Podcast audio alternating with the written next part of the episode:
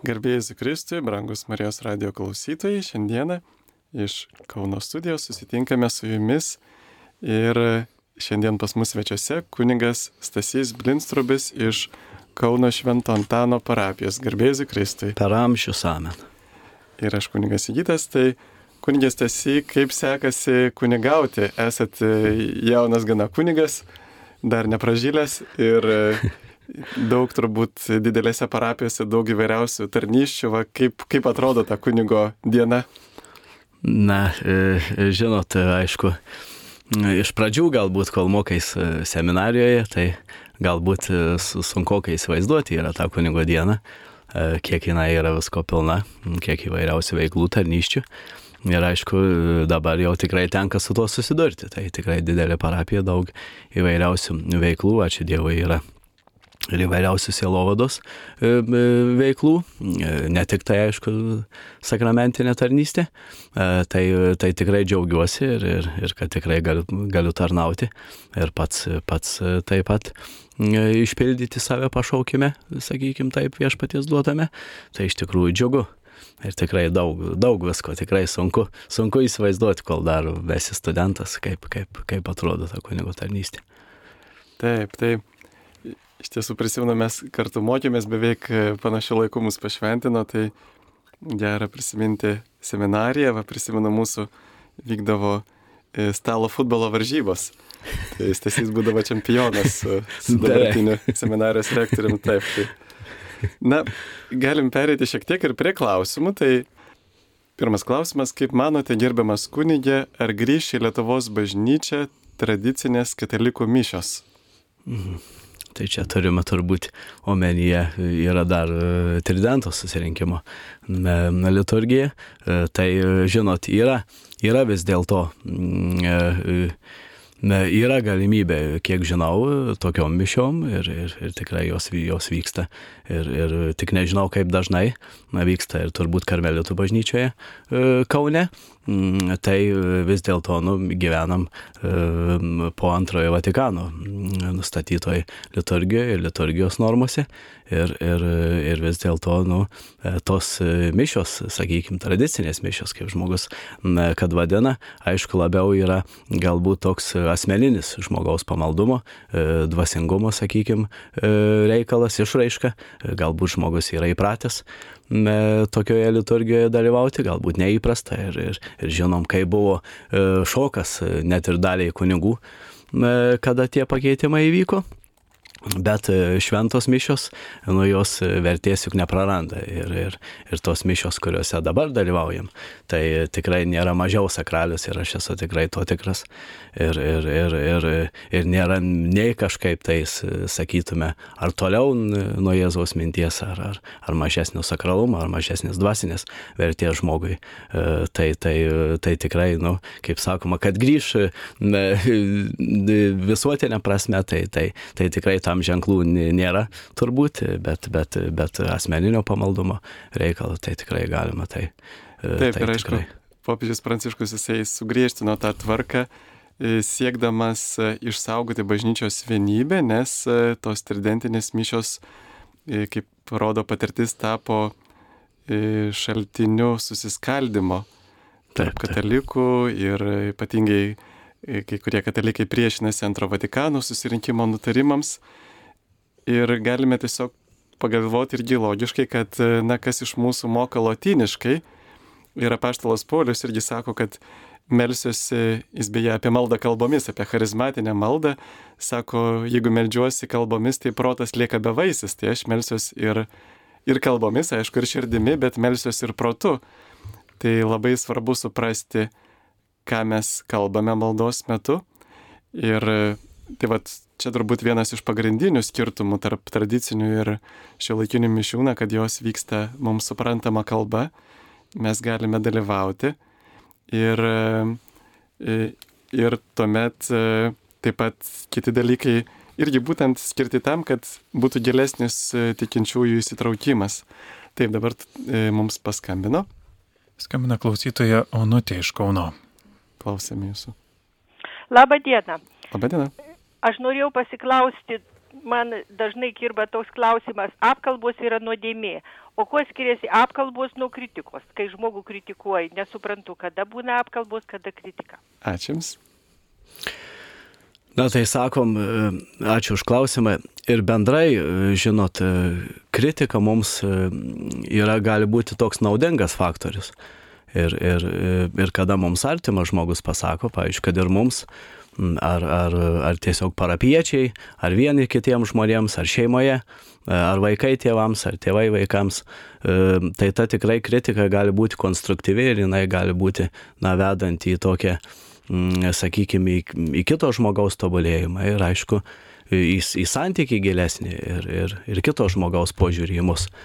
Na, o, o apkalbo žinoma, kad yra na, sakykime, visada jos yra tam tikrą, na, tokį neigiamą spalvą nešančios, nes jos, na, neskatina žmogų keistis, sakykime, nes nėra pasakoma žmogui tiesiogiai, yra pasakoma už akių, tai čia aišku galima, sakykime, plačiau žvelgti, kas yra tokis liežuvavimas, šmeištas, dar čia yra plačiau to, tokie, kaip sakoma, skirtumai.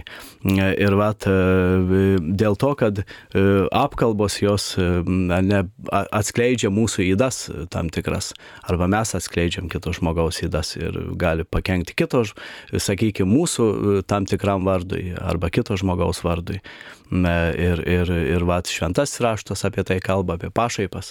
Tai, tai, tai tos apkalbos, na tikrai jos, sakykime, niekur neveda, jos tik taip patį ir ypatingai jeigu žmogus išgirsta, aišku, kad apie jį yra kalbama, ypatingai jeigu tai kažkoks artimesnis galbūt žmogus ar, ar, ar draugas, ar, ar pavyzdžiui parapietis kažkoks, kuris, kuris sakykime, na, žmogui kaip ir e, susitikus lyg tai irgi gerą emociją tokią transliuoja, lyg tai šypsosi, bet, bet, bet arba gali būti, aišku, visai atvirkščiai ir visose santykių lygmenyse.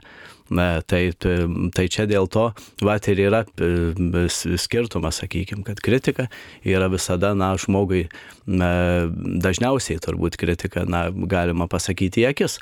Ir, ir tada ir žmogus keičiasi, ir pats žmogus mokosi, kaip reikia pasakyti. Ir tai, na, iš kritika tikrai gali būti, na, konstruktyvi. Na, apkalbos jos niekada, niekada ne, nebūna konstruktyvios. Taip, ir dar galima pridėti, kadangi svarbus klausimas, aišku, mes turim klausimų daug, tai stengsimės per daug neišsiplėsti, kad e, apkalba jinai nusukelia tam tikrą neapykantą, sumažina žmogus garbę kito akise ir tai būtent yra e, tikrų, e, tikrų ne, neišgalvotų, kitiems nežinomų artimo kalčių ar įdų atskleidimas. Ir kuo tai skiriasi nuo šmeišto, kad šmeištas būtent yra išgalvotų arba nepagristų dalykų kalbėjimas už akių, o apkalba yra tiesos pasakymas už akių, kur, na, galbūt Dievas jau atleido tam žmogui, galbūt jis gailėjusi, galbūt mes perdėjom jo kaltę, galbūt mes patys tą patį darome. E, teisėta yra atskleisti kai kuriais atvejais tam tikras įdas, na, e, kada e, dėl paties žmogaus gerovės reikia, kad e, neįmanoma tam tikro blogio nugalėti, kol neatskleidi to žmogaus įdų. Arba, pavyzdžiui, dėl artimo gerovės, taip, kad, e, na, pavyzdžiui, kad, kad vyresniai tą žmogų įspėtų, pamokytų, sudraustų, nubaustų. Ir kartais ir dėl visuomenės gerovės irgi reikia atskleisti, nes e, kad būtų apsaugota visuomenė nuo pavojaus, kurį sukelia slapta nusikaltęs asmuo. Ir tam, na, dėl atskleidimo mes turim vadovautis visų pirma turėti labai gerą intenciją, ne artimą kažkaip pažeminti, paniekinti, atkeršyti, bet uh, siekti gėrio ir taip pat uh, turime nurodyti tik tai tas kaltes ar įdas, kurias būtina kitiems žinoti. Ne viską išpasakoti ir taip pat jų jokių būdų nepadidinti, nepagražinti. O šmeištas irgi yra būtent tada, kada netikros prasimanytos e, klaidos, kaltės e, skelbiamos. E, užgaulė tai yra irgi toks vienas iš būdų liežuvio nuodėmių, kada žmogus įžeidžiamas jo paties akivaizdoje, kada nepagarbiai veiksmais ar žodžiais jis yra paniekinamas. Ir čia vad neseniai girdėjome iš Evangelijos, kas sako broliui pusgalvi, turi stoti prieš aukščiausiojo teismo tarny, tarybą. Ir taip pat yra ležuvavimas, kuris e, pasako tai, ką kitas apie jį kalba. Ir tai yra tikrai, na, bjauri nuodėmė, nes vėlgi skatina nesantaiką. Na, gal kitas žmogus nepagalvojęs, gal jokaudamas kažką blogo pasakė. E, ir mes, kada vėl kitame kontekste pasakome, ką kitas apie tave kalbėjo, mes liežuvaujam ir vėl tas sukelia neapykantą. Tai va yra įvairiausios uh, tokios nuodėmės prieš na, savo liežuvių ir galim prisiminti, Jėzus sakė, būsim atsakingi už kiekvieną tuščią žodį pasakytą. Tai atsiprašau, aš čia per daugiau žodžių pasakiau, tai dabar tai ir e, mums paskambino. Skambina klausytoja Vida iš Anykščių. Klausome jūsų. Taip, galite kalbėti. Garbė Jėzui Kristui. Per amžius. Sakykit, prašau, ar gali už mano me, sunelio metinės e, aukot kitos parapijos, kito rajono klebonas, todėl kad tas klebonas yra iš kreunų, kur mūsų visi, visi yra palaidoti. Tai va daugiausia tas vaikelis mano ir bendravo su tuo klebonu kreunų. Ir sakykit, prašau, ar galima žemelių iš tų mūsų, kur palaidoti visi artimieji giminės, atveš žemelės truputį ant vaikelio kapelio. Taip, ačiū. Na, paprašyti, aišku, kito kunigo, jeigu sakot bendravo ir, ir ar, pavyzdžiui, kaip žmogus yra iš, iš kažkur kilęs, pavyzdžiui, vat, ir, ir, ir jisai nori kitoj parapijoje iš ten, kur kilęs, ar, ar, ar jo kažkaip giminės, e, tai tikrai būna kartais ir mums e, paprašo, ar iš, ar iš kitų parapijų žmogus, žinot, ne visada net ir paklausėm, ypatingai miestuose. Tai, tai tikrai čia tokio draudimo nėra, nei, nei, nei, nei bažnytiniai teisėjai, nei bendrai čia turbūt tokiu moraliniu atžvilgiu čia nieko blogo nėra, tiesiog aišku, na, palaikykite savo parapijos kunigus ir, ir, ir melskitės ir stenkitės, kad, kad ir, ir šventos mišios būtų irgi už, užsakomos ten savo parapijose, nes vis dėlto, na, mums ir ir bendrai toks kaip krikščioniška tapatybė mums sako, kad išlaikyti savo parapiją ir melstis. Nu, aišku, na, vežti žemę, aišku, koks yra to tikslas. Ar, ar, ar čia vargu, na, sakykime, ar turi kažkokį tokį gilesnį pagrindą, galbūt čia toks daugiau psichologinis aspektas kad bus, bus žemelių, galbūt kažkaip tai, na, iš, iš to kapo, kur ten palaidota, tai galbūt ramiau jausimės. Bet šiaip tai čia tokio kažkokio gilesnio pagrindo nemanau, kad yra, dėl ko taip reikėtų daryti. Taip, dar vienas klausimas. Garbėsiu Kristui, kažkada buvo į Kauną atvažiavęs charizmatikas Damijanas, čia turbūt Damian Stein, kur jo knyga yra Taip. išleista lietuvų kalba. Vyko išgydymo stebuklai, kaip reikia į jį žiūrėti. Na, galime pasakyti, kad jisai yra įkūręs bendruomenę, jis nėra toks jau, kaip sakyti, e, sava valis keliautojas, bet jisai yra įkūręs bendruomenę, kurios bažnyčia nestabdo, vadinasi, ten viskas gerai yra.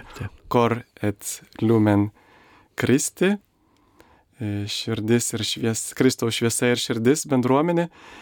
Ir e, jisai bando na, atkreipti dėmesį, kad va, pirmaisiais amžiais ir Biblijoje parašyta, aprašytos charizmos, gydimo pranašavimo ir kitos, ir kad jos niekur nedingo, kad jos yra bažnyčioje ir kad e, galime mes irgi prašyti tų dovanų arba džiaugtis, kad jas gauname teisingai panaudoti. Taip pat yra, matau, kad ir e, jo vyskupo, e, vyskupo raštas, kad e,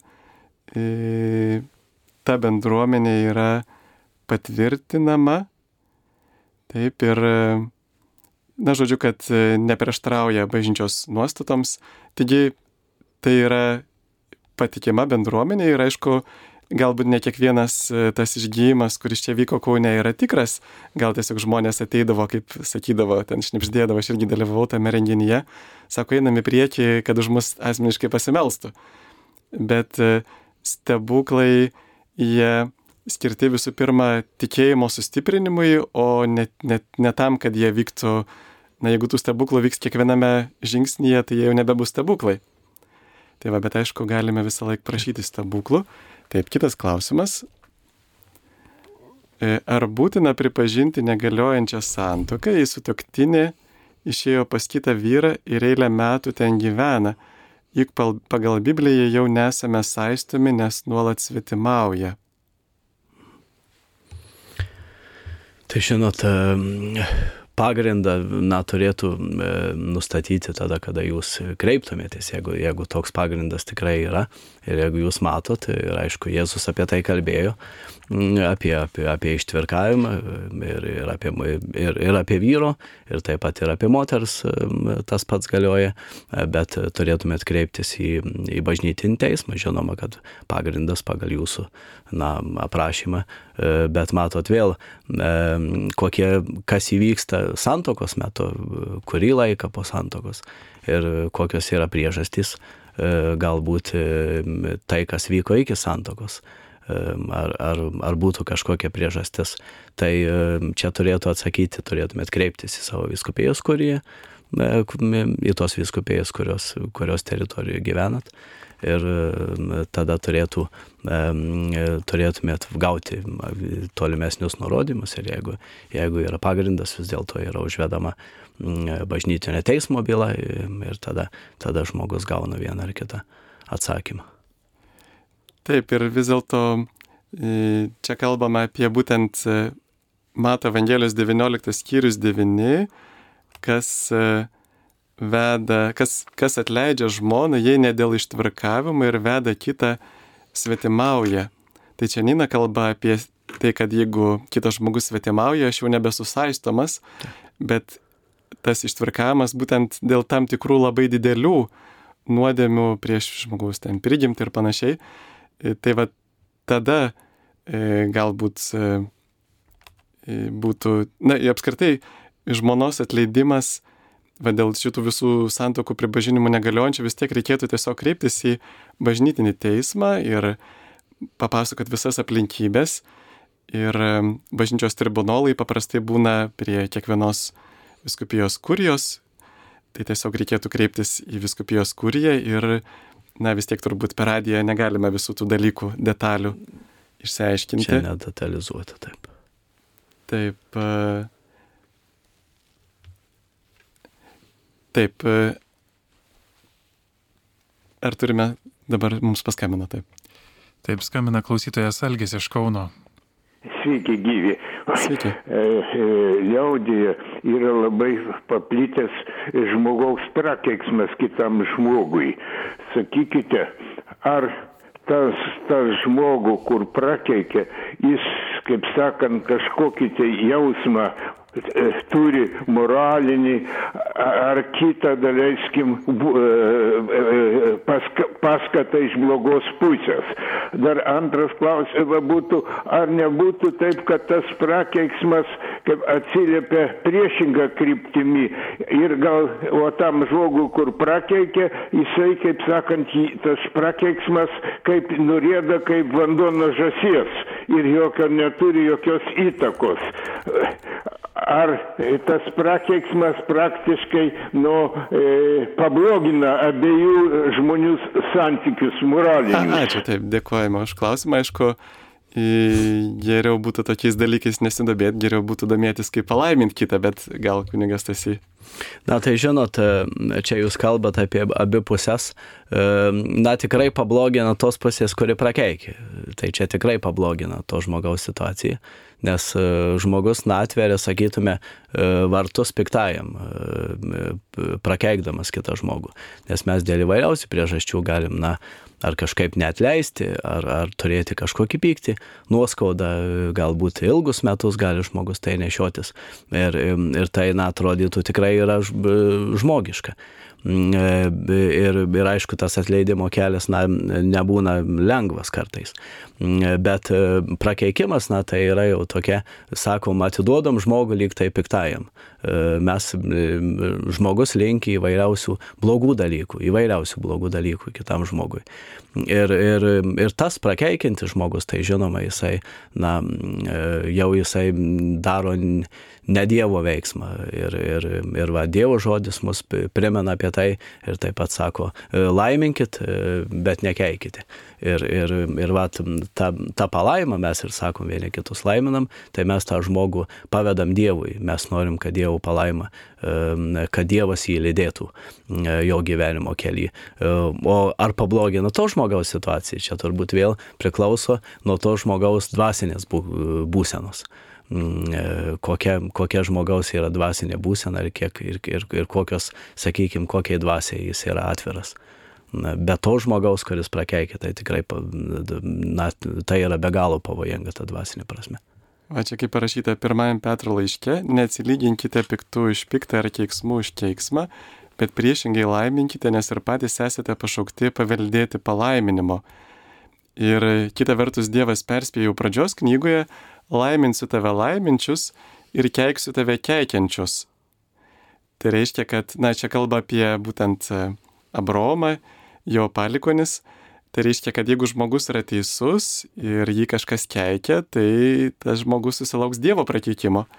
Nes Dievas pažadėjo, kad keiksiu tave keikiančius. Ir kita vertus, katekizme 2303 paragrafas, valinga neapykanta yra priešinga meiliai, neapykanta artimui yra nuodėmė, kai žmogus samoningai trokšta jam blogą. Ji yra sunki nuodėmė, kai samoningai linkima didelės žalos. Prakeikimas tai reiškia, kad aš linkiu, kad tu naitum į pragarą, tai o aš jums sakau, mylėkite savo priešus ir melskite už savo persekitojus, kad būtumėte savo dangiškojo tėvo vaikai. Tai reiškia, prakeikimas iš tikrųjų yra sunki nuodėmė, kada mes linkime blogo, nes Jėzus verčiau liepia melstį atsivertimo malonės tam žmogui, kad jisai nustotų daryti blogą. Taip, kitas klausimas, ar gailestingumo vainikėlį kalbant su visom sąlygom yra daliniai atlaidai? Kiek žinau, yra ir visuotiniai. Taip, taip galima turbūt ir visuotinis. E, nes yra, ne, kokiom sąlygom, jeigu sakom, e, tai yra prie švenčiausio sakramento taip. ir jeigu yra žmogus malonės būsenoj, e, tai jisai, žinoma, gali gauti ir visuotinis atlaidus, nes čia yra mums popiežiaus pranciškos malonė suteikta per popiežių pranciškų. Taip, ir buvo suteikta ir, ir neatšaukta. Taip. Kada čia buvo 2018 berots metais. Ir tiems, kurie, net ir tie, kurie negali išeiti dėl lygos ar kitos pateisinimas priežasties, negalėtų išeiti iš savo namų, bet su pasitikėjimu ir nuoširdžiai, tiek trokšdami gailestingumą savo, tiek pasiruošę dalyti su kitais, melstusi Dievo gailestingumo vainikėlio malda. Taigi matome, kad tie visuotiniai atlaidai netgi ir nu, pat su tokia išimtimi net, net ir tiems, kurie negali dėl pateistumos priežasties ateiti prie švenčiausio sakramento. Kaip patartumėt pasielgti, kai gavėnios metu kviečia jubilėjinį pobuvį, kur bus pasaulietiškai švenčiama su šokiais, ar tai bus nuodėmė? Ačiū na jau pats aišku klausimas, jeigu jūs klausėt, tai jau jūsų vidoj, jūsų sąžiniai vis tiek e, kažkas tai, sakykime, kerba ir toks, aišku, vidinis konfliktas. Ir, ir žinoma, gavienė tai yra koks laikas, tai yra toks susikaupimo labiau tylos laikas, tokio e, vidinio apmąstymo ir, ir atgailos laikas ir tokio, na, ir atsivertimo ir vidinio pokyčio e, troškimo laikas. E, tai aišku, na, gali tai jūs tikrai jūsų to dvasinį gyvenimą, jūsų tą tokį gavienės nusteikimą tikrai stipriai išbalansuoti. Ir aišku, kitas dalykas, jūs turėtumėt, na, visus faktorius įvertinti, kiek svarbi yra ta šventė, nes kartais ir išskirtiniu atveju net ir santokos vyksta per gavėnę, e, bet, bet sakom, kad vis tiek žmogus jisai, na, turi tada be galo kukliai e, stengtis e, švesti ir paminėti tas tokias dienas, pavyzdžiui, ar, ar, ar krikšto šventė. O jeigu yra, sakot, balius, kuris ypatingai nėra susijęs su jokia, na, sakytume, tikėjimo šventa, šventė su sakramentų šventimu, na, tai aišku, reikėtų na, ypatingai gavėnios metu to vengti. Ir kitas dalykas, aišku, kitas žmogus turbūt irgi žino, kad esam krikščionys ir, ir, ir ten bus tų žmonių, kurie jūs pažįsta. Mm, tai žinot irgi, na, mūsų kaip krikščionių yra pašaukiamas irgi liudyti. tą, tą krikščionišką gyvenimą ir gyventi jau truputį, na, tokiu kitu ritmu, tai yra ne tik tai pasaulietiniu kalendoriumi, bet liturginiu kalendoriumi ir, ir, ir, ir iš tikrųjų, na, gavėnios laikas tai yra, na, toks ypatingas laikas, tai, tai reikėtų jį vis dėlto kiek įmanoma sakraliai praleisti. Bet aišku, kadangi yra jubiliejus, tai galbūt e, žmogus nelauks viso mėnesio, kad tą jubiliejų atšvestų, tai be abejo visą laiką artimo meilė yra aukščiau už, už visas kitas taisyklės, čia jau jums nuspręsti. Taip. E, kartą kunigas taip mums paskambino. Skambina klausytoja Morta iš Klaipėdos. Klausom jūsų. Garbėjai Zikristui. Per amžius. Per amžius. Turiu tokį klausimėlį. Mielai dalyvauju e, jūsų rožinio maldoje pusė dvylikos, paskui mišiuose, paskui vainikėlio maldoje, kryžiaus kelyje. Bet tas maldas atlieku darant kažkokius tai darbelius. Ar geriau man melstis individualiai ir, ir tuo metu, kai tik tai turiu tai galimybę, ar galiu melstis ir taip dalyvaujant, tai nėra nusikaltimo, nuodėmės, kaip man geriau elgtis. Ačiū už klausimą, labai aktualus na, kaip ir yra, yra iš tikrųjų ir, ir, ir, ir vienos šventosios pasakymas, sako, e, širdis prie, prie Dievo, rankos prie darbo. E, tai, tai iš tikrųjų žmogus, aišku, na, mes melžiamės visų pirma širdimi, ar tai būtų gailestingumo vainikėlis, ar tai būtų rožančius, e, kiek tai, na, sakykime, kiek tas darbas mūsų žimamas, ar jisai netrukdo mūsų tam dvasiniam susikaupimui nes, pavyzdžiui, žmogus kartais ir, ir įvairias maldos praktikas, arba, pavyzdžiui, net ir šventasias mišes, žmogus, žinot, ir, ir kartais ir, ir pavalgo, ir, ir, ir kažkokį tai kitą veiksmą atlieka, na, na tai, kad, kad nebūtų, sakykime, kad, kad netrukdytų jūsų dvasiniam susikaupimui bet šiaip tai kažkoks tai fizinis veiksmas, mes melžiamės visų pirma, mūsų siekis yra e, melsti širdimi, ir, ir, bet e, kartu ir kūnas na, e, turėtų nurodyti tam tikrus ženklus. Aišku, tai nėra dalyvavimas liturgijoje, tai nėra šventos mišios bažnyčiai, kur, kur mūsų kūnas na, pilnai tame dalyvauja ir turėtų dalyvauti, bet jeigu tikrai tai netrukdo jūsų, sakykime, dvasiniam susikaupimui, bendrai maldos sakralumui, tai nemanau, kad čia, kad čia yra blogai, čia ko gero net ir geras dalykas visai jūsų dvasiniam gyvenimui galėtų būti. Esu girdėjęs tokį posakį, kad e, ar galima e, melstis rūkant. E, tai sako, taip, aišku, galima melstis rūkant. O ar galima rūkyti melžiantis? Ne, negalima rūkyti melžiantis. Tai iš tikrųjų tame anegdotė yra tokia dalis tiesos, kad e, mes melstis galime visada, Bet e, kada skiriame laiką Dievui, va labai gerai būtų apsispręsti, tiesiog sudėlioti tokią dienotvarkę, kaip Jėzus sako, sakykite arba taip, arba ne, o kas viršaus tai išpiktojo. Ir va šitas laikas yra maldai, šitas laikas yra darbui, nes kitaip mes, e, na, patys būsime nei nepasime, ir nepasimeldę, ir, ir darbus nelabai gerai atliksime. Aišku, geriausia būtų jo va, turėti tokį laiką vien tik tai maldai, kada galiu pilnai susikaupti ir atsiduoti Dievui, nes, nu, patirtis rodo, kad kada mes melžiamės ir dirbam kitus darbus, mes negalime pilnai pasimelsti, susivienyti su Dievu, priimti jo ramybę. Bet jeigu tai yra paprasti kažkokie tai darbai, galbūt e, tai ir netrukdytų. E, bet gal paprastesnis būdas būtų, siūlyčiau tokį, kad susidėliot atskirti laiko ir maldos ir darbo laiką, o darbo metu uh, turėti, praktikuoti tokias maldos formas, kurios yra labai labai paprastos. Ten vienas, du žodžiai, tiesiog mylėti Dievą. E, tai va tokiu būdu ir malda darbui netrukdys ir galėsim išlaikyti tą maldą. Vėliau čia kaip man patinka Faustinos ištrauka, kur sako, kad jeigu aš nepasimeldžiu nustatytomis valandomis, tai negaliu susikaupti ir darbo metu. Bet jeigu pasimeldžiu, vien kada tik maldai skirtas laikas, tada galiu ir visą dieną likti susivienijus su Dievu. Tai va čia gali žengti toks kirminėlis dvasinis ir pagraužti visą mūsų dvasinį gyvenimą, jeigu mes manysime, kad, na tai čia gal vienas darbelis, gal du darbeliai, gal ir keli darbeliai, nieko baisaus. Ir galiausiai mes liksime išsiblaškę per tas maldas ir jos mūsų nepamaitins tiesiog, neturėsime jų vaisių. Tai kitas klausimėlis. Kartą kuningas išėjo pamiščių pamiršęs palaiminti ir mišęs užsiskaito. Na, manau, kad tada Jėzus palaimino jūs, jeigu kuningas pamiršo. Kodėl Fustinus dienoraštis skaitomas ne iš eilės, o kartojami jau perskaityti? Na, kartais operatoriai pamiršta naujus sudėti, taip. Ar jums, katalikam, kyla popiežiaus, tinka popiežiaus priimami sprendimai ir ar jums nesikerta su Biblija? Kaip kuningas tasy. Na, mes turim e, tokią labai išreikštą e, kartu ir dogminę tiesą, kur, kur sakom, kad e, popiežius, na, mes klausom popiežiaus kaip katalikai, kas, kas tai būtų, kokio pašaukimo žmonės, ar tai būtų tiesiog pakrikštytas žmogus, ar tai būtų išventintas dvasininkas.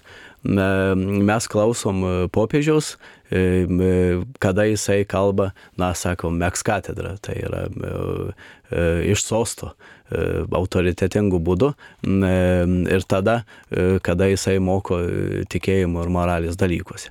Tai čia popiežius turi, na, sakykime, tokią šventosios dvasios dovaną, kurią mes vadinam, na, neklaidingumo dogma. Tai, tai tie pasisakymai, kurie liečia tikėjimo ir moralės dalykus, galbūt ne viską suprantam iš karto, E, galbūt, na, sakykime, ne viską gebam priimti iš karto, galbūt kartais ir neįsigilinam, ar tai kalbam apie kažkokį dokumentą, ar tai encikliką, ar tai, ar tai kažkokį popiežiaus pasisakymą, na, kuris kartais būna iš konteksto e, ištrauktas. Tai, tai mums gali atrodyti, na, kažkaip kaip prieštaraujantis e, šventajam raštui kažkoks tai pasisakymas ar, ar kažkokia tai popiežiaus paskelbta tiesa. Bet e, žinom, kad vis dėlto Dievas veda bažnyčią ir, ir, ir, ir nepaisant į žmogaus netobulumo, e, kur, kurį turi net ir, e, net ir šventasis tėvas, net ir apaštalo Petro įpėdinis, mes vis dėlto žinom, kad na, bažnyčios tą laivą ir burės pučia šventoji dvasia. Ir, ir, ir jeigu mes atsiduodam šventai dvasiai, jeigu visi, visi melžiamės, palaikom šventąjį tėvą, ne, ne, ne kažkaip pasiduodam tai tokiai dažnai nevaisingai kritikai, tai, tai, tai tada na, visi, visi mes sudarom tą gražią tokią e, bažnyčios bendruomenę. Taip, ačiū. E, kitas klausimas, prašau papasakoti apie Pijos dešimtojo brolijos veiklą. Tai e, ji prasidėjo tuomet, kada vyskupas Lefebras, Marcel Lefebras išventino neteisėtai kelis vyskupus ir mes žinome, kad žmogus, kuris e, ne, neteisėtai ne, nevienybėje su kitais viskupais, su popiežiumi išventina vyskupus, jisai užsitraukė ekskomuniką pačiu faktu, bet bažnyčia įdėjo daug pastangų ir deda daug pastangų, kad atstatytų tą bažnyčios vienybę, nes na, vis dėlto pati savaime bažnyčios tradicija nėra bloga, tai yra geras dalykas, kuris daugelį žmonių vedė į šventumą, bet blogas yra va toksai e, atsisakymas priimti antro Vatikano susirinkimo mokymus, na, ten, kur, kur šventoji dvasia veda bažnyčia toliau. Ir, na, va toksai savavališkas neklusnumas irgi. E, bažnyčia, na, yra toks sudėtingas klausimas, šiaip tai buvo suteikta, jeigu neklystu, E, šventasis sostas suteikė šitos Pijos dešimtojo brolijos nariams e, galimybę iš tikrųjų veiksmingai teikti išrišimą, kad išpažintis galiotų, taip pat, kad, kad mišios galiotų tiems, kurie lanko tas Pijos dešimtojo mišes, bet aišku, išlieka vis dėlto problema, kuri, kuri skaldo bažnyčią.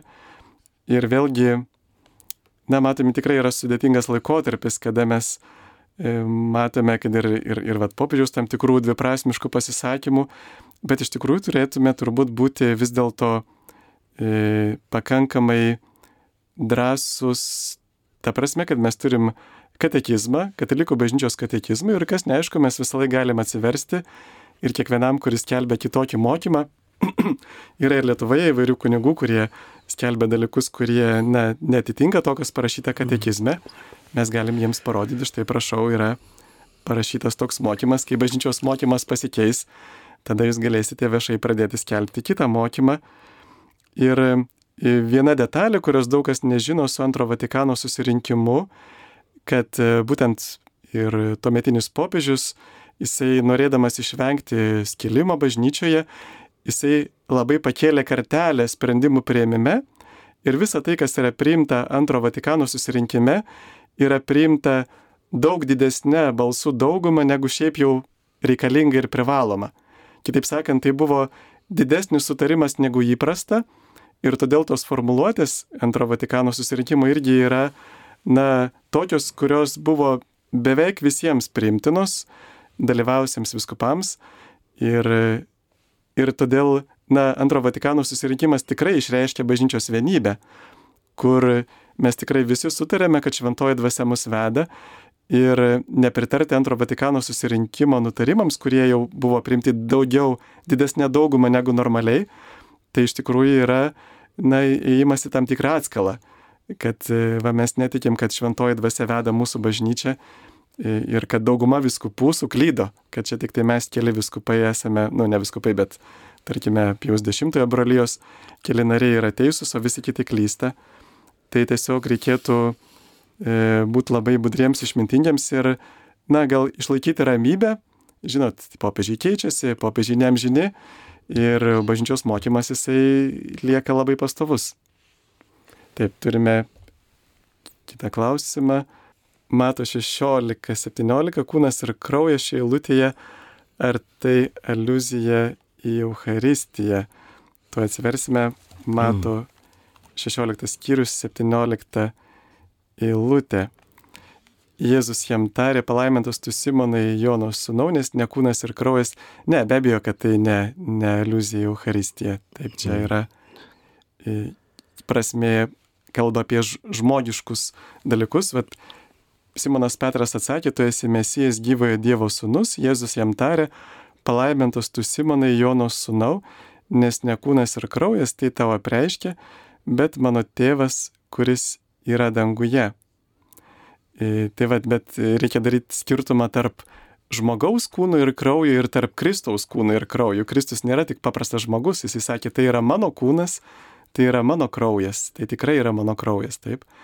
Tai mes kalbame čia Euharistijoje apie Kristaus kūną ir kraują, kuris e, yra kartu žmogiškas, bet kartu ir dieviškas ir kuris mums dėl to teikia amžiną gyvybę, kurią jis pats vienas turi sakė, kad štai tėvas jam davė amžinai gyvenimą ir jisai duoda mums. Kodėl per mišių homiliją kunigai aiškina tikintiems apie Dievą, juk ir taip, kas eina į bažnyčią apie tikėjimą, supranta labai gerai. Po mišių kunigai privalėtų nueiti pas tuos, kuriems bažnyčia tik iš reikalo ir išaiškinti tiesas. Kodėl taip nedaro, ko bijo? Ačiū. Na, ačiū už klausimą. Žinot, kad tikėjimą išmano labai gerai, tai čia, na, toks, sakykime, labai jau drasus pasakymas yra. Ką reiškia išmanyti tikėjimą žmogus. E, e, na, e, tam ir yra tikėjimo tiesos, sakykime, Evangelijos aiškinimas, homilija, kurią dažniausiai na, vis dėlto kunigai šventų mišių metu skelbia. Yra pamokslas tam tikromis progomis arba, arba, arba jeigu kunigas pasirenka tam tikrą tematiką. Ir, ir, ir visada yra, pavyzdžiui, net ir mes kunigai, kada ruošiamės homilijai, mes irgi praturtėjom, mes ir kartais sužinom, pavyzdžiui, tos dalykus, galbūt kurių kartais net ir nežinojom, arba, pavyzdžiui, kurie buvo primiršti, kurios, pavyzdžiui, galbūt kažkada buvom girdėję, pavyzdžiui, tokių įvairiausių įdomių detalių, pavyzdžiui, apie Evangeliją, apie, apie kur, kur, kur na, Dievas pakreipia mus tam tikrą temą kalbėti. E, tai žinot, visada yra gera atsinaujinti, visada yra gera plačiau pažvelgti į tikėjimą. E, ir tikrai, kad žinot, kad, kad žmogus išmano, na, sakykime, tikėjimą e, arba tikėjimo tiesas labai gerai, na, tai čia turbūt toli gražu ne kiekvienas kunigas galėtų, na, sakykime, taip drąsiai pasakyti, nes bendrai tikėjimas, ką turim tikėjimą, omeny krikščioniškas tikėjimas, jisai išgyvena, na, tam tikrą ir kismą, aišku, ne, ne turinį, nesmėniuose dalykuose. bet įvairiausių atrandama gražių bruožų, įvairiausių spalvų, įvairiausių teologų, įvairiausių dvasinių autorių. Visus tos 2000 metų, sakykime, na, turtino tą krikščionišką tikėjimą. Tai čia yra absoliučiai neįsemiama gelmė. Ir mes tikrai negalim ne vienas sakyti, kad aš apie Dievą jau žinau viską, ar aš Dievą suprantu labai gerai. Mes Dievą suprantam tik tai tiek, kiek jis mums yra apreiškęs, kiek mes žinom Dievo žodyje ir kiek mūsų asme, asmeninis, sakykime, na, mąstymas, intelektas, supratimas, kiek mes maldoje tam atsiveriam, kiek tam mums leidžia. O jūs tikrai teisūs esat, kad reikėtų tuos žmonės labiau na, sakytume, turėtų tikrai galbūt net ir labiau rūpėti e, tie žmonės, kurie, kurie yra paribiuose, va, apie tai kalba ir popiežius Pranciškus ir apie tai seniai jau bažnyčia kalba e, ir, ir, ir vat klausiam ir, ir diskutuojam ir tarpusavėje kalbamės, kaip reikėtų pasiekti tos žmonės, kurie yra tam tikrose, na, sakytume, e, atitolę nuo bažnyčios dėl įvairiausių priežasčių. Tai mes ir darom, pavyzdžiui, yra ir alfa kursai, yra ir įvairiausias katechesės, yra pas mus ir pirmos komunijos tėvelių katechesė, yra švento rašto e, įvairiausios grupelės, e, tiek ir fizinių, tiek ir nuotolinių būdų.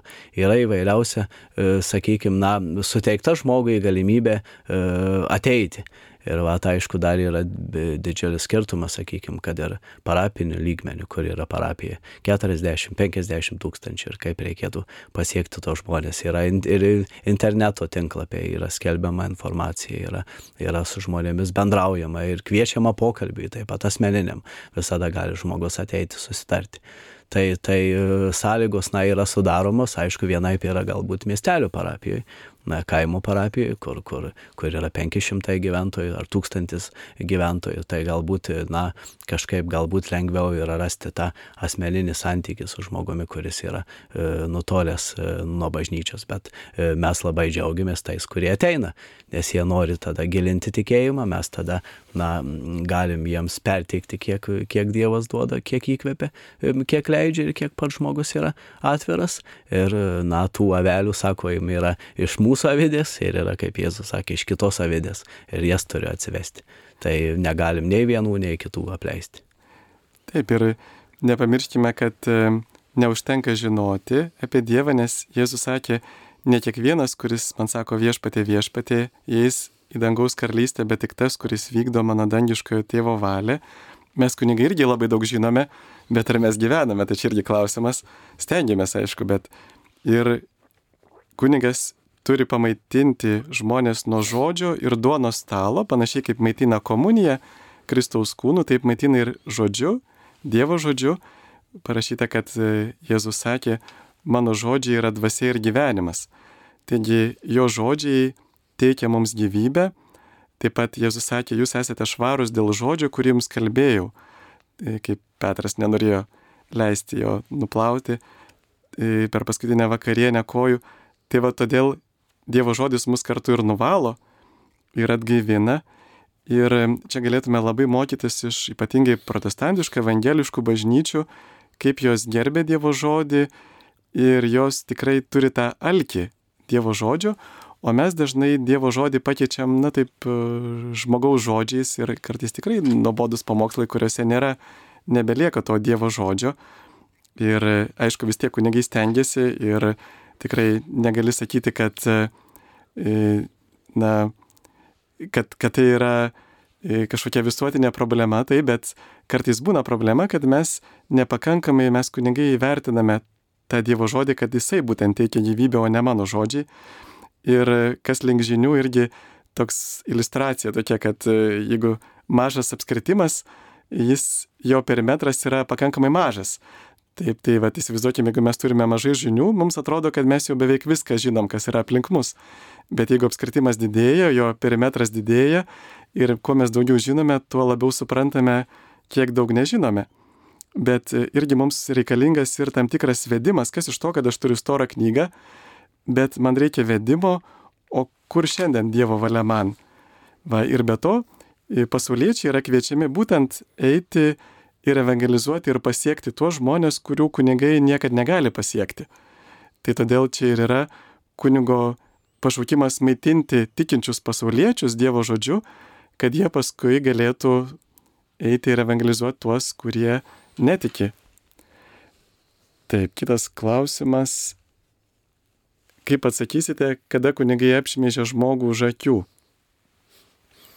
Na tai mes e, apie tai vat, buvo, jeigu klausėtės, panašus buvo klausimas ir laidos pradžioje. E, tai, e, na, tai gali, sakykime, tai galioja ir kunigo atžvilgių parapiečiams ir, ir, ir, ir, ir parapiečių kunigo. E, tai e, mes sakom, e, įvairiausių būna pasisakymų ir aišku apie kunigus ir, ir, ir kada girdim ypatingai ne tik tai parapijoje, bet girdim ir žiniasklaidoje įvairiausių, na, tokių įvykių ir tada va, žmogus kalba arba, sakykime, šmeištas, vad sakom, tai yra, na, mm, e, netiesos skelbimas apkalba, tai sakom, gali būti ten tiesos, bet irgi sakom, kad, na, beveik niekada nebūna, sakykim, e, konstruktyvu. E, na, šmeištas tai yra jau tam tikros netiesos skelbimas apie žmogų. Ir, ir, ir, ir jeigu, sakykime, žmogus įvairiausių gali situacijų, kada jisai gali apšmeišti kunigą, gali įvairiausių e, dalykų būti, ar ten, pavyzdžiui, kažkokie finansiniai dalykai, ar tai gali būti asmeninis gyvenimas. Arba kartais, žinot, e, vat, kad, ir, kad ir sako, pavyzdžiui, kartais žmogus parapietis, e, kad yra tokių atvejų buvę, kada sako, buvot paskelbę, sako, Nors žinom, kad to mes tikrai neskelbėm per skelbimus. Ir sako, vienas ar kitas kunigas pasakė. Ir tada žmogus šneka, dar paskui paskleidžia kitiems. Ir, ir, ir, ir nors taip nebuvo pasakyta. E, tai, na, tai gali būti absoliučiai įvairiausių dalykų. Ir tiek ir liturgijos prasme, tiek ir tarnystės prasme, tiek ir, aišku, dažniausiai turbūt būna asmeniniam gyvenime. Kada žmogus skleidžia tam tikrus dalykus, va sako, ne, ne, nežinodamas nei įvairiausių aplinkybių, nei tos e, tikros tiesos, e, tai iš tikrųjų sakom, e, ką žmogus kalba apie kitą va, ir Jėzus sako, nesako, geriausia yra prie dviejų akių. Turi žmogus, na, įgyti, mes kalbam apie sinodą, kalbam apie tą, e, kad esam visi kartu bažnyčia. Mm, ir, ir, ir tie, kurie pakrikštyti, ir tie, tie kurie esam e, tarnaujančioje kunigystėje. Ir va, atsakom, žmogus turi, na, e, jeigu jis tikrai nori konstruktyvios kritikos ar konstruktyvaus pokalbio ar kažkokio pokyčio, to kunigo atžvilgiu jis vis dėlto turėtų ateiti ir išdrysti pasakyti arba paklausti, ar tai kunigiai yra tiesa. E, tai, va, tai, tai, tai čia tikrai na, bus tokia, kaip sakoma, ir tikras sinodinis tos patirties įprasmenimas ir įtraukiamas į praktiką ir bus naudinga. Ir tam žmogui, nes jis, na, pratinsi, sakykime, ne, ne, nekalbėti už akių, įsitikinti ir, ir, ir neapkalbėti, nešmeišti, neliežuvauti. Ir tam kunigui, sakykime, jeigu jis tikrai gali būti ir kaltas kažkur, ir tam kunigui bus proga, galimybė kažkokiam pokyčiui ir susimastymui. Ačiū taip ir turbūt mes visi esame kada nors ką nors apšmeižę, aš turbūt irgi būčiau melagis, jeigu sakyčiau, kad nieko nesu apšmeižęs, bet labai gera, kai va tokiu atveju tikrai reikalingas tas broliškas pataisimas. Taip, Marijos radijos savanorius nuolat su meilė priima Kauno panemunės bažnyčia, kodėl niekada nepakviečiate į šią laidą kunigo Rimanto Baltrušaičio, klausė Rasa. Labai ačiū už liūdimą, pasistengsime pakviesti. Kartais kunigai tiesiog tokiu laiku turi mišes, jeigu jie vieni parapijose, bet paklausime taip. Ar gali būti šimtų procentų tikėjimas? Va ir sakom, šimtų procentų. Tai sako, žinot, visų pirma, Evangeliją žvelkim, e, kada Jėzus kalbėjo su, su mokiniais ir sako, jeigu turėtumėt e, tikėjimą bent kaip garstyčios grūdelį, ir sako, jūs galėtumėt kalnus kilnoti, tie, tie žmonės, kurie vaikščiojo su Jėzumi, ir, ir, ir, ir, ir tiesioginiai mokiniai, ir įvairiausios minios, e, sakykime, ta tokia bevardė minė. Na, visi mes susidurėm su tikėjimo iššūkiais, nes tikėjimas tai nėra žinojimas. Ir tikėjimas nėra, sakykime, įrodymas e, ta tokia, na, taip filosofiškai kalbant, tą empirinę prasme, mes negalim tikėjimo įrodyti, išskyrus, aišku, tam tikrus stebuklus, na, eucharistinius stebuklus, kitus dalykus, na, kažkur tai laboratorijoje, kažkur tai tiksliųjų mokslų prasme pagrysti. Tam ir yra tikėjimas, kad jisai, na, sakykime, nėra žinojimas ir jis niekada, ar gali žmogus kažkuris pasakyti, kad aš šimtų procentų tikiu, niekada stipriau nesabejoju ir svarbiausia, ar aš, na, tuo tikėjimu gebu gyventi. Tai, va, tai, tai, tai čia turbūt yra pagrindinis klausimas. Jeigu žmogus sako, šimtų procentų tikiu, bet kada mes einam iš pažinties, mes suprantam, kad to tikėjimo vis trūksta ir trūksta. Nes jeigu mes turėtume na, tą šimtų procentinį tikėjimą, mums tada turbūt nereiktų nei bažnyčios, nei, nei, nei, nei pagalbos, nei atgailos sakramento, nei, nei, nei įvairiausių pagalbų mums kaip silpniems žmonėms, abejojantiems ir negebantiems dažnai to tikėjimo išpildyti. Taip, ir reikėtų dar pridurti, kad ateistai mus kaltina tokiu tikėjimu, kuris yra nepagrystas. Na, tiesiog tikėjimas ir viskas, toks aklas tikėjimas, bet tai yra netiesa, nes, na, panašiai kaip mes, pavyzdžiui, sėdamės ant kėdės, mes sėdame su tikėjimu, kad ta kėdė mus išlaikys, arba jeigu sėdame į lėktuvą, mes sėdame su tikėjimu ir su pasitikėjimu, kad tas lėktuvas nenukris ir kartu tai remiasi tam tikra bendra patirtimi, nes tai yra daug kartų išbandyta. Ir mes vėlgi galime matyti ir, e, kad mūsų tikėjimas, jisai turi labai tvirtą pagrindą, tiek apaštalų liudijimas, tiek tebesitėsiantis stebuklai, tiek šventųjų gyvenimo liudijimas, tiek patys Jėzaus žodžiai ir mūsų sąžinėje kalbantis, tiek Dievo veikimas mūsų gyvenime asmeninėme. Taigi Dievas mus kalbina galiausiai tiek apskritai gamtos sudėtingumas, tvarka, grožis liudija, kad yra kuriejas. Tai tas tikėjimas jisai turi pagrindą ir mes turime ieškoti protingo pagrindo, nes jeigu jo nebusime radę, tai kada mums užeis blogos emocijos, mes sakysime, kad aš blogai jaučiuosi ir tiesiog einu ten, kur geriau jausiuosi. Kitas klausimas. Um, Taip, kaip elgtis, kai prisimi advento metu maldingumo praktikų ir nebespėji, ar nutraukti, ar atlikti kitą kartą. Advento metu ir visais kitais laikais, na, mes sakom, tokį išgyvenam dar stipresnį tą pasiryžimų tokio pokyčio prasme, dabar laiką gavėnė, bet turbūt ir tam ir tam laikui galioja na, tas pats, sakykime, principas, kad žmogus jisai turėtų labai apskaičiuoti ir visada raginam žmonės labai apskaičiuoti, ar jis geba priimti vieną ar kitą pasiryžimą. Ir kitas dalykas, ar jisai, na, ar jis galės to pasiryžimo laikytis. Vienas dalykas, ar tai iš viso yra įmanomas dalykas.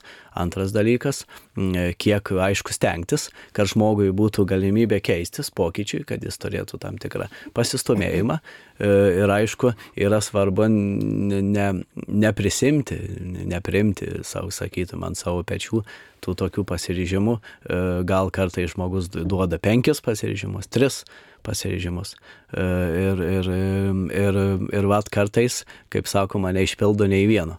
Tai turim irgi taip, irgi pasimeldė ir šventąją dvasę, ko Dieve duok man to, tokį pasiryžimą, ne, kuris galbūt va, pirmą į galvą šauna.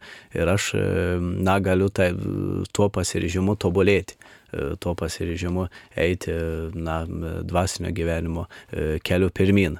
Tai tas pasiryžimas na, turėtų būti tikrai ir, ir, ir prieš jį paprašant, kad Dievas parodytų, kur man reikia duoti pasiryžimą, kad tas pasiryžimas būtų ne per sunkus ir raginantis mane, na, sakykime, tobulėti, aukti, per lengvas irgi galbūt nebus, sakykime, naudingas, nes aš galiu ir taip, nebūtinai kažkokiu liturginiu laiku jį duoti, sakykime, tą pasiryžimą, bet tie liturginiai laikai tai yra ypatingi mums, na, tokie dvasinė nauda tų pasiryžimų prasme, kada mes tikrai, na, galim pasakyti, kad kažkur duok Dievę galbūt žingsnelį padėjau į priekį. Ačiū. E, kada užbaigsite rožančiaus ir maldų įrašus nakties metu leisti, nes tai yra absoliutus išsidarkimas. Na, baigsime leisti įrašus tada, kada jūs ateisite ir padėsite melstis naktį arba 6.20, tada galėsime melstis gyvai. Garbėjai Kristui, brangus Marijos radio klausytojai, e, mes esame eterija kartu su kunigu Stasiu Blinstrubu iš Kauno Švento Antano parapijos ir aš kuningas Sigitas toliau esam pasiryžę atsakinėti jūsų klausimus. Atsiprašom, jeigu kartais e, ką nors netyčia apšmeižiame ar įžeidžiame, ar netaip pasakome, ar kokią ereziją paskleidžiame. Tikiuosi, kad tokių dalykų nebuvo, bet e, jeigu buvo, tai mums praneškite, mes tikrai kartais turime labai staiga atsakyti nepasiruošę. Tai va visko nutinka. Iš anksto atsiprašome. E, vienas toks klausimas e, buvo klausytojas šiandien kaip tik yra metinės Ukrainos karo. Jei Dievas gailestingas, kodėl jisai leidžia Ukrainoje, na, kodėl neaps, neišgelbsti Ukrainos? Tai čia žinoma sudėtingas klausimas. E, vis, visada žmonijos istorijoje mes turėjome įvairiausių karų, konfliktų, dar ir visai neseniai išgyvenom be galo tokius didelius ir dešimtis milijonų nusinešusių žmonių gyvybės konfliktus. E, ir aišku, melžiamės už Ukrainą, ne, ir aišku, daug maldos akcijų ir, ir, ir mes visi trokštam, e, kad tas karas baigtųsi ir taip, taip pat ir Palestina, Izraelis ir visi kiti e, tokie karšti taškai. Bet mes kartu, aišku, visų pirma sakoma, ne, kad Dievas niekada netrokšta, nenori, kad tai yra, kaip popiežius Pranciškus sako, na, žmonijos pralaimėjimas karas, bet kartu suprantam, kad aišku karą irgi organizuoja žmogus, neorganizuoja Dievas ir, ir, ir Dievas visada mokė nežudyti, nekenkti, net ir priešams atleisti. E, bet vadėja tie karai būna. Ir, ir, ir čia yra na, toks turbūt tikrai lengva ir paprasta ir vienu žodžiu e, neatsakomas klausimas, bet kartu mes ir, ir mūsų tauta turbūt ir visa Europa na, yra įspėjama e, tų įvairiausių įvykių ir aišku, tai negalime sakyti ar neteikti, kad čia yra bausmė Ukrainos tautai ar, ar, ar kažkur tai Dievo, na, sakykime, leistas kažkoks tai faktorius visiems mums įspėti, bet mes sakom, ką mums tai sako, e, kur mus tai įspėja. E, kur galbūt esam, na, mes ypatingai vakarų e, pasaulis, kur esam galbūt įsipatoginę tam tikrose dalykuose, klausimuose, kodėl nėra, va, sakom, ir tinkamos šalių pagalbos, turtingų vakarų e, šalių pagalbos. Net ir sakom, tas karas turbūt galėtų labai greitai baigtis, jeigu būtų tinkama pagalba. Tai Dievas nori, Dievas trokšta, kad tas karas baigtųsi ir duoda žmonėms įrankius, svertus, bet, bet, bet kartu, na, suprantam, kad tie svertai kažkur ne nesuveikia ir kad tas karas tęsiasi. O tai Dievo noras čia, manau, mums tikrai labai aiškus yra. Ačiū, dar kitą klausimą. Turėjome apie sunaikinimo pabaisą, kur pranašas Danielius mini sunaikinimo pabaisą šventoje vietoje, tai ką tai galėtų reikšti. Ir Jėzus irgi tą primena. Mato Evangelijos 24 skyriui. Tai čia žinom, sunaikinimo pabaisa, čia vat, Jėzus kreipia mus į pranašo Danieliaus knygą, e, kur sako, mes turim na, analogą, yra e, apokaliptinė literatūra. Mes turėtume irgi visų pirma tai, tai kartu savo priminti ir, ir, ir mes turim analogiją Naujajam testamente apreiškimą Jonui, Senajam testamente pranašo Danieliaus knygą. Ir va, čia e, tas sunaikinimo pabaisa, na, mes galėtume kiek, va, ir rašo šventojo rašto komentatoriai, na, tokioms keliu, keliomis prasmėmis, e, tai yra, kad kartu apie karalių Antijoką Epifaną, kuris užėmė, kuris įžengė į Jeruzalę dar gerokai prieš Kristų apie antramžių e, ir, ir, ir buvo taip pat nas pašalino aukas iš šventyklos ir, ir keulės kraują paukojo, na, sakytume, išniekino šventyklą. Ir e, vėl sakom, na, tas, tas sunaikinimo pabaisa kaip toks, kaip antikristų simbolis, nes žinom, kad ir, e, ir, ir apreiškimo knygoje, apreiškimo Jonui knygoje irgi rašoma apie slibiną, nes su, su, su, su septyniomis galvomis ir apie, apie tą, na, tokį blogio simboliką, apie, apie antikristo tą nešamą blogį. Ir turbūt, kad čia irgi galime sakyti, na, tokia aliuzija yra į, į šventyklos sugriovimą, nes, nes apaštalas Matas rašė jau iki e, šventyklos sugriovimo faktų e, savo Evangeliją. Tai čia irgi įspėjimas e, žmonėms. Taip, kad jie galėtų bėgti, nes Jėzus tuomet ragina bėgti. Taip. Ir čia ir, ir zelotai buvo tą šventyklą pavertę tvirtovę. 68 ir 69 varomėnai atnešė savo to e, pagoniškų dalykų į šventyklą ir sugriovė ją galiausiai. Tai Taip, e, mums paskambino. Skambina klausytoja Regina iš Kauno. Taip, klausom jūs. Gerbėzi Kristui. Per amžius. Klausimas būtų toksai. Yra žmogus, sergantis Alzheimeriu, gyvena šeimoje, labai prižiūrimas ir šiemet jie, jų šeima švestų auksinį jubiliejų, 50 metų vedybinio gyvenimo. Ar, ar galima, vaikai čia prašo to klausimo, ar galima su, su tokiu ligoniu bažnyčioje nu, gauti ar palaiminimą, ar atnaujinimą, nes jis šiaip yra sveikas, tik tai yra tokia lyga. Labai norėčiau atsakymą. Taip, ačiū.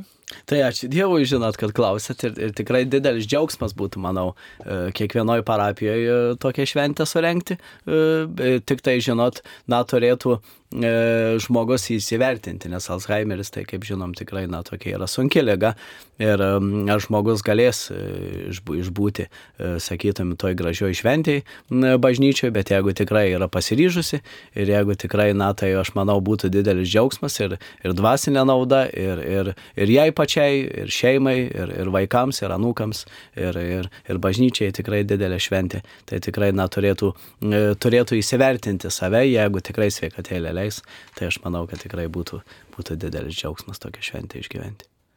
Tai sveikinam. Ačiū.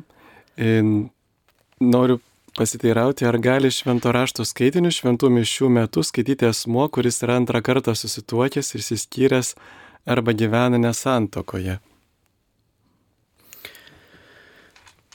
Tai čia toks irgi turbūt nelabai ne, ne aiškiai toks atsakomas, gal nelabai taip e, trumpai atsakomas klausimas, bet kodėl ne?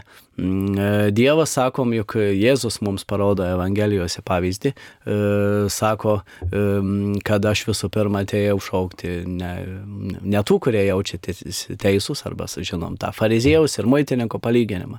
Tai žmogus kelbė ne Dievo, ne, ne savo žodį. Jeigu žmogus kažkaip sakytų ir liudytų, kad aš gyvenu, na, tikrai puikų gyvenimą, o iš esmės nėra, tai tada galbūt, na, kažkur asmeninis liudėjimas, galbūt tam žmogui tikrai galėtų, na, kažkaip taip e, pasakyti, įspėti, kad nebūtų, žino, tokio, na, papiktinimo pavojaus ar tokios labai aiškios dviveidystės pavojaus. Bet kad žmogus negalėtų skelbti Dievo žodžio, nes tai yra Dievo žodis ir jeigu tai būtų, na, sakytume, ir sielovadiniu atžvilgiu, jeigu žmogus nori skaityti, jeigu jis nori skelbti, jeigu jis nori būti arčiau altoriaus, e, kodėl jam reikėtų tai uždrausti. Galbūt tai žmogaus atsivertimo kelioniai e, galbūt tikrai galėtų pasitarnauti kaip, kaip tokia didelė dovana, malonė iš viešpaties. Taip, ir aišku, tie klausimai labai sudėtingi ir popiežius Pranciškus vis bando ieškoti būdų, na kaip su tais, kurie antrą kartą susituokia ir panašiai, tai čia tikrai nėra tos situacijos vienodos. Bet aišku, taisyklė ta, kad jeigu žmogus samoningai gyvena sunkioje nuodėmėje ir jisai nenori, gali, bet nenori iš jos taisytis, Tai aišku, jau turbūt e, gal reikėtų pradėti nuo to, kad e, e, ten žmogus kažkaip pasitemtų ir tada jau eitų tarnauti kitiems Dievo žodį skaityti. Na, pamatuoti. Taip. Tai mums paskambino. Skambina klausytoja Zita iš Anykščio. Klausimės. Per amžius. Per amžius. Aš norėjau paklausti, kai su karstu laidoja žmogų, tai ant karsto viršaus kala kryželį su Dievo kančia ir laidoja, o kai sudegina pelenus, į urną ir ant urnos nieko nėra. Ar reiktų dėti ten kryželį laidojant? Čia. Na, žinot, e, turbūt irgi priklauso nuo žmogaus požiūrio.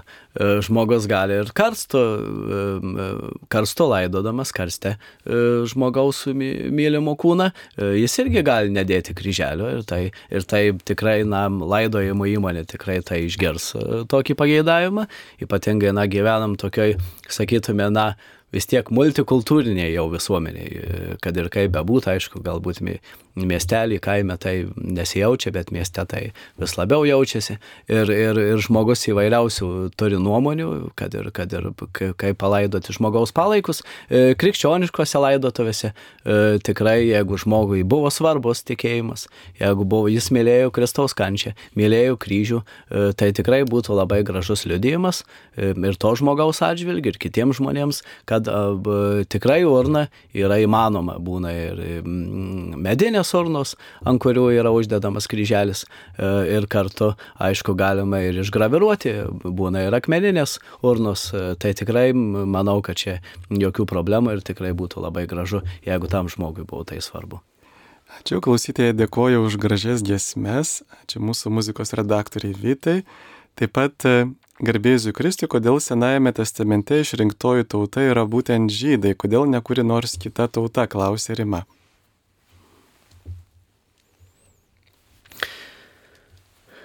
Tai šis klausimas na, toks irgi, e, kad galėtume atsakyti taip aiškiai e, ir, ir galėtume pasigirti, kad atsakymą žinom, tai turbūt tikrai taip nėra, nes ir egzegetai svarsto, e, na, švento rašto mokslininkai, bet kartu, aišku, irgi sakom, tai maža tauta.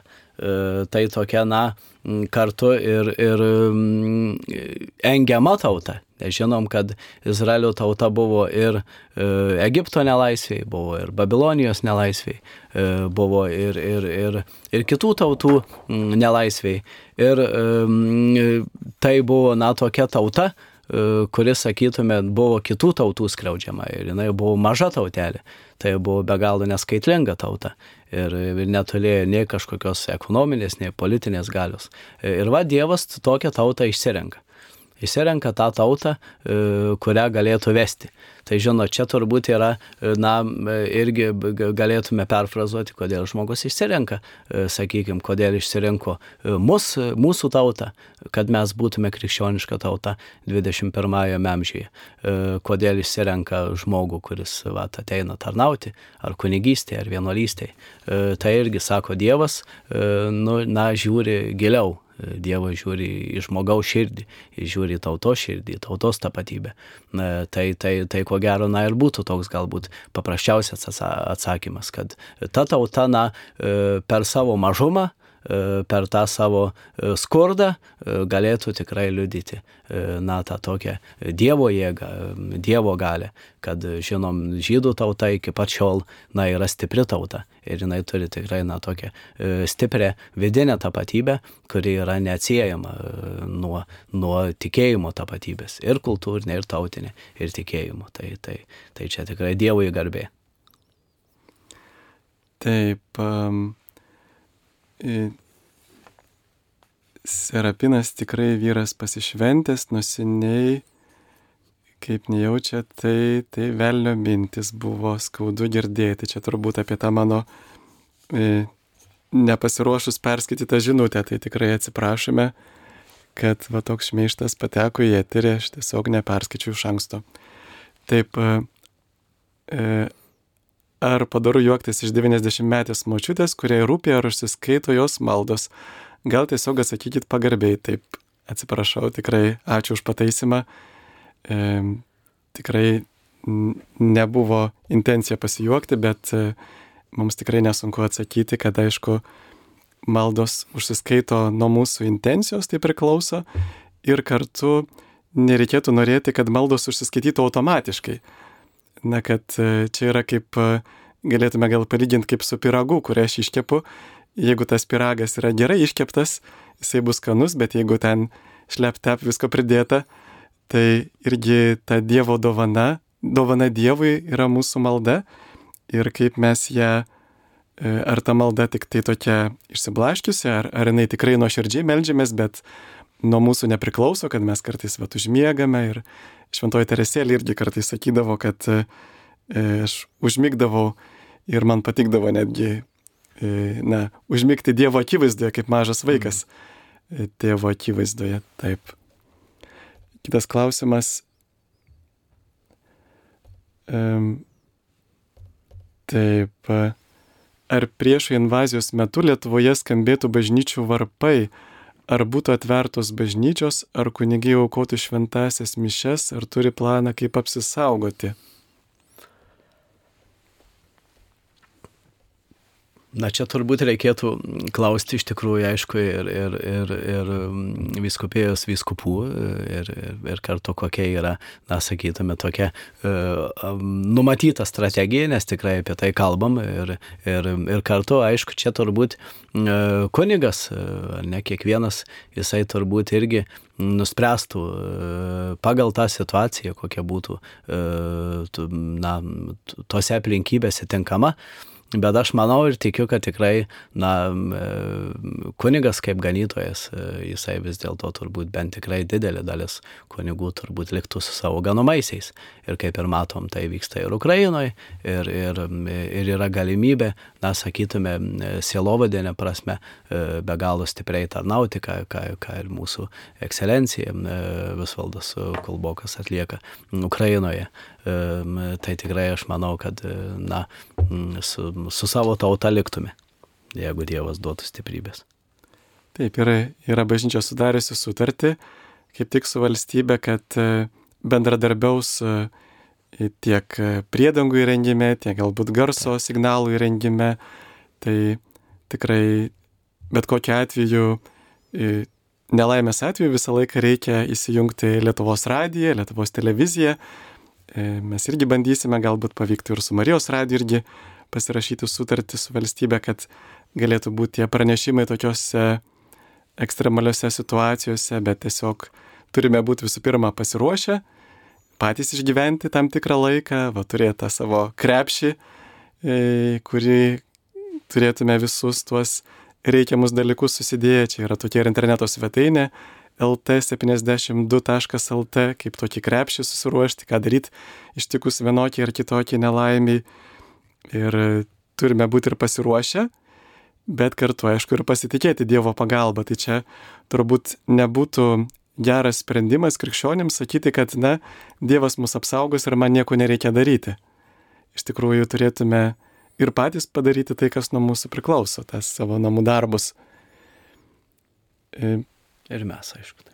Taip. taip. Būtų gerai per Lietuvos televiziją pamatyti krikščionišką kumenį serialą išrinktieji.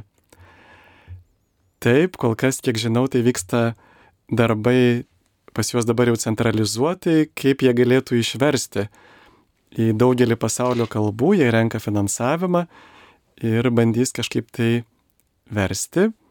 Ir žiūrėsim, kada tas vertimas jau bus padarytas, gal bus kažkaip ir įgarsinimas padarytas.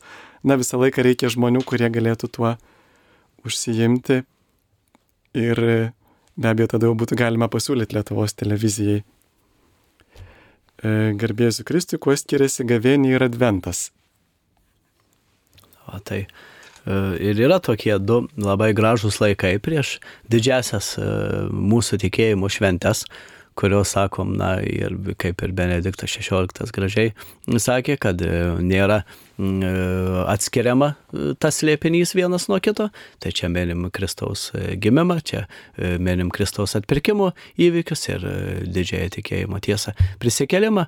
Ir vat tuo ir skiriasi, kad mes advente labiau džiaugsmingai laukiam Kristaus gimimo šventės, o gavėnios laikė mes daugiau e, ypatingai per maldą, pasninką, išmaldą, tai yra įvairiausius gerus darbus, e, mes na, stengiamės įprasminti tai tą laiką kaip labiau tokį ir atgailos, ir atsivertimo, ir tokio gyvenimo pokyčio, ir, ir, ir dėl to ir kalbėjom apie įvairias šventes, kaip reikėtų jas švesti, jeigu jau yra, sakytume, na, neišvengiamos šventės, gražios šventės. Tai va, tai ir sakom, dėl to, kad, kad, kad nebūtų mums kaip krikščionims ta tyla e, sutrikdyta. Tai toks yra daugiau atgailos atsivertimo, advento ir džiaugsmingo laukimo laikas. Raginkim žmonės, kad jie nekeiktų Rusijos, už ją aukotų Dievui, laimintų, melstusi. Iš tikrųjų, kunigės tas ar taip nėra, kad jeigu mes keikiame Rusiją, tai kaip tik padedame tom šetono jėgoms ten veikti dar stipriau. Taip, tai, tai tikrai, na, kad tas prisideda ir turbūt, aišku, tas dvasinis pasaulis yra sudėtingas, mes negalėtume taip irgi labai aiškiai tiesmukiškai atsakyti, bet mes ir kalbėjome apie prakeikimo galę, kad, kad žmogus prakeikdamas net ir tokius baisius, sakykime, diktatorius, E, kaip, kaip kad buvo antro pasaulinio karo metais ar Vokietijoje, Rusijoje dabar irgi. Ir, ir, ir kada bendrai, nesakom, kad turbūt, na, tai nėra visos tautos e, norimas, trokštamas ir samoningai trokštamas karas, kad yra įvairi propaganda, kuri, kuri žmogui, na, sakykime, smegenų plovimo tuo būdu e, be galo suklaidina daug žmonių. Tai tikrai keikti nereikėtų ir tikrai mirties rinkėti nereikėtų, bet pasitikėti Dievo teisingumu. Mes e, kartais pamirštam, sakom, Dievas gailestingas, bet e, nepamiršti, kad Dievas yra teisingas. Ir visada sakau, ateina, žvelgime į istoriją, ateina anksčiau ir vėliau teisingumo valanda. Ir tas teisingumas yra atstatomas. Tai duok Dievui, kad jis greičiau ateitų. Ačiū, mums paskambino. Skambina klausytoja Zitė iš Utenos. Taip, klausome jūsų. E, sveiki. Sveiki. Nors klauskite drąsiai, bet e, nelabai drąsu. Tai kiek galima trumpiau, be galo džiaugiausi šiandien išgirstąją Arnoldo Valkausko laidoje irtis į gilumą ir taip gerėjosi, kad girdėtų visą Lietuvą, kiekvieną atrodo žodį, tokia aktuali tema, kad jų būtų daugiau, gal kada nors į kokį tarpelį dar kartojama būtų, kad klausytojai per Marijos radiją galėtų girdėti, nors to internete, tai taip dabar visi turi. E, džiaugiuosi ir gera girdėti e, aktualiausia ir kad pagal tokią mintis atėjo, ar negalėtų parapijo kunigai įrašiuką bent trumpai turėti ir pakomentuoti, kurio nors metu bažnyčią prie įjungti, kur į tarpelį rasti prie pamokslų, kad taip ta mūsų liaudis e, apsišviestų tokiais aktualiausiais šio dienai, reikšmingiausiais klausimais ir mintimis. Tai jūsų mąstymai ir aukštybių išmintim paremti ir to reikia klausytis ir tuo tikėti. Ačiū, nebežinau, ką daugiau įsiplėsti negaliu. Linkiu, kad nebūtų tokių banalių klausimų, kaip kad šiandieną išgirdome. Ačiū.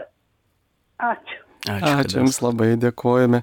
Ir tikrai toje laidoje man labai patiko kunigo Alkausko pasakojimas vienas apie tai, kaip, na, jis girdėjo irgi, kaip liudijo, jo mačiutė pasakojo, kaip liudijo pats, pats žmogus, lakūnas, kuris skrido bombarduoti Vilniaus ir jisai pamatė e, tiesiog paveikslą, moters paveikslą, na, skrisdamas ir, ir jis tiesiog nebegalėjo toliau skristi, nebegalėjo išmesti bombų ir paskui pajuto tokį įkvėpimą, kad jis turi tas bombas išmesti laukose. Na taip ir padarė, grįžo ir paskui, kai jis vaikščiojo Vilniaus gatve, jis pamatė e, aušros vartuose, kad tai buvo tas pats paveikslas, kuris, e, kuris jam pasirodė skrendant bombarduoti Vilniaus e, karo metais. Tai iš tikrųjų, matot, mergelė Marija mus saugo, apgina, e, jeigu mes tikrai melžiamės, jeigu atsiverčiame, tai vad svarbu ne tik tai melstis, bet ir atsiversti, kad ir mūsų gyvenimas būtų auka Dievui. Taip, dar vienas klausimas. Norėjau paklausti, kaip būtų galima Lietuvoje per mėnesį prieiti pirmos komunijos. Anūkė gyvena Ispanijoje, ten reikia tris metus lankyti kursus. Anūkė nori Lietuvoje priimti pirmąją komuniją, bet būna Lietuvoje tik mėnesį atostogų.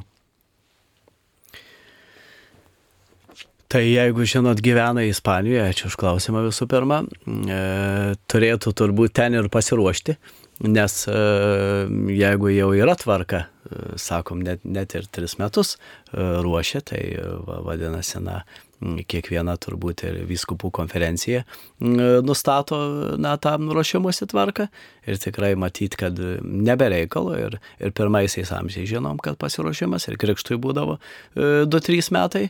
E, čia per mėnesį laiko atvykus į Lietuvą tikrai jinai e, galėtų e, visiškai laisvai priimti tą pirmąją komuniją. Bet pasiruošti na, per mėnesį, tai žinot, pas mus irgi Lietuvoje, irgi katechezės irgi vyksta visus metus.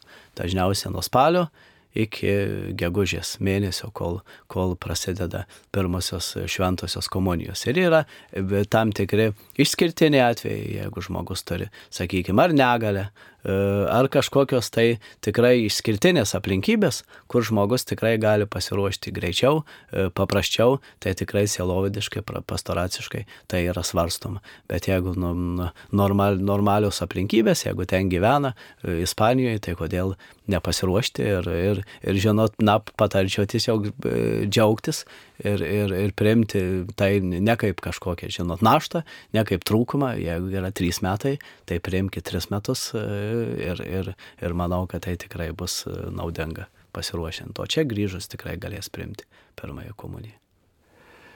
E, tai mums paskambino. Skambina klausytoja Marija iš Vilniaus. Taip. Trumpai noriu vis daugiau kalbėti apie grožį, kadangi čia aš noriu paliesti Vatikaną kada rodė, dabar kai buvau šventės, tos didžiosios visą kitą, tai buvo gražu, kad aš dabar galvoju ir melžiuosi, tai yra rojaus kampelis arba dangaus lopinėlis žemėje, apie popiežių. Mes ieškome, kai krištolas žmogaus dėmėtas, sakoma, ir saulė. Ir dabar, kada vat, visi vat, per eterį visą kitą, kad juk čia yra moterėlis kažkas, kažkur kažkas, bet imkim hierarchiją, aukštesnis. Ir ką mes matėme, patį popiežių, jisai sergantis, bet jis ieško tiesos.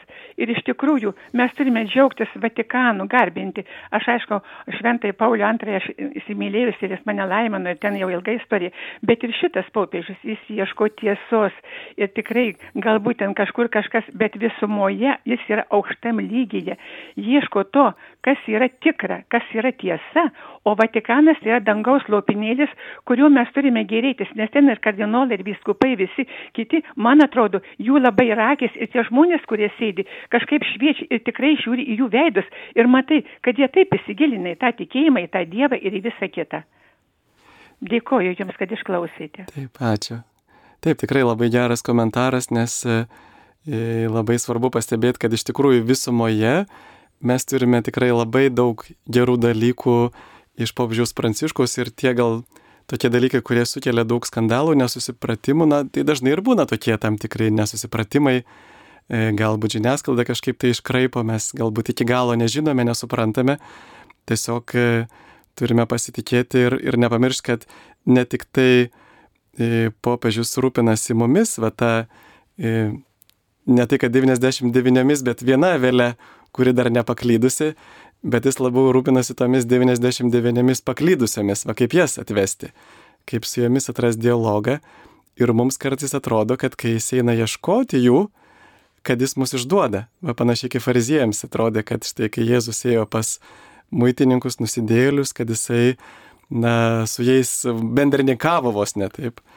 Tai čia iš tikrųjų tas kartais ir mums gali kilti tam tikrai ir fariziejiškumo pagunda, e, kai popiežius nueina pas kitus, su jais kviesti dialogą jų, e, galvojam, kad jisai va čia dabar jau su jais ir nueis ir mus nusivesti. Tai, tai tikrai dialogui visą laiką reikia ir tvirto stuburo, kad mes išsaugotume savo įsitikinimus, tikėjimą, tą tradiciją iš didžiosios raidės, bet reikia ir to, e, na, Jėzaus troškimo prieimimo, kad Jėzus irgi iš tikrųjų kvietė ieškoti paklydusių.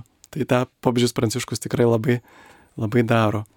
Ir va, kaip mes taip pat galim ieškoti paklydusių, galim ir savo maldą prisidėti, savo auką, pasiaukojimą. Pavyzdžiui, šį vakarą pas mus vyks naktinė adoracija, švenčiausio sakramento adoracija Kauno prieškimo mergeliai Marijai koplyčioje, Marijos radio koplyčioje.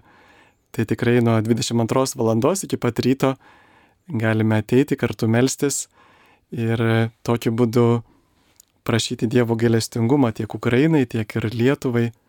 Iš tikrųjų, malda yra turbūt vienintelis kelias, kuris veda į taiką ir jai tenka turbūt esminis vaidmuo taikoje tiek mūsų gyvenime, tiek ir pasaulyje. Taip, ar tik dėl reputacijos bažnyčia vengia kalbėti apie Jėzaus šeimą, šešis vaikus, kurių giminystė tęsiasi iki 300 metų? Taip, kunigės tasiai. Na, šitą tai aišku klausimas, turbūt iš kur žmogus paskaitė tokią informaciją ir kuo jisai remiasi, kokiais šaltiniais tokią informaciją pateikdamas, nes tikrai jokių rimtų nei istorinių faktų, nei bendrai iš bažnyčios pusės ir iš pasaulietinės istorijos pusės tokių faktų tikrai nėra. Ir, ir, ir tikrai, na, toks, toks mąstymas, sakykime, kampas arba tokie faktai, tai tikrai niekuo, jokiais rimtais šaltiniais nėra pagristi visų pirma. Ta prasme, tai kodėl tai reikėtų skelbti. O yra kalbama, žinot, apie Jėzaus, sako, broliai ir seserys ir taip toliau, bet ten platesnė prasme ir pusėseris, ir artimiausi giminaičiai, pusbroliai galėjo būti vadinami tuo vardu. Tai, žinot, yra teorijų, kad ten su, su, su Marija Magdalietė buvo artimesni negu, negu, negu įprastai galėjo būti su mokinė santykiai. Tai čia yra tų įvairiausių teorijų, kurios nieko bendro su, su, su tikrovė, net ir su, su, su moksliniais tyrimais jokių būdų neturi. Taip, ir Juozapas ir Marija, jie irgi, kaip čia pasakyti, yra viena iš tradicijos tokių minčių, kad Juozapo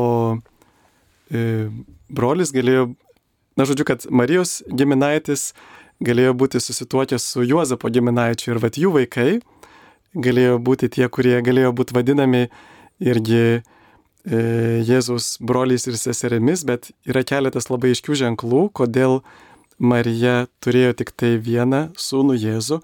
Tai pavyzdžiui, ant kryžiaus kada Jėzus pavedė būtent Jonui pasirūpinti Mariją, savo motiną, iš tikrųjų pagal žydų įstatymą turėjo būtent na, kiti, tik, tikrai Jėzus broliai seseris pasirūpinti Mariją. Bet kodėl Jėzus tada Mariją duoda Jonui, vadinasi, todėl kad kitų nebuvo. Arba, pavyzdžiui, va, tas pats žodis, kaip Senajame testamente irgi vartojamas, e, vadinama broliu, o iš tikrųjų kalbama apie Abromo sunieną, tai plotą.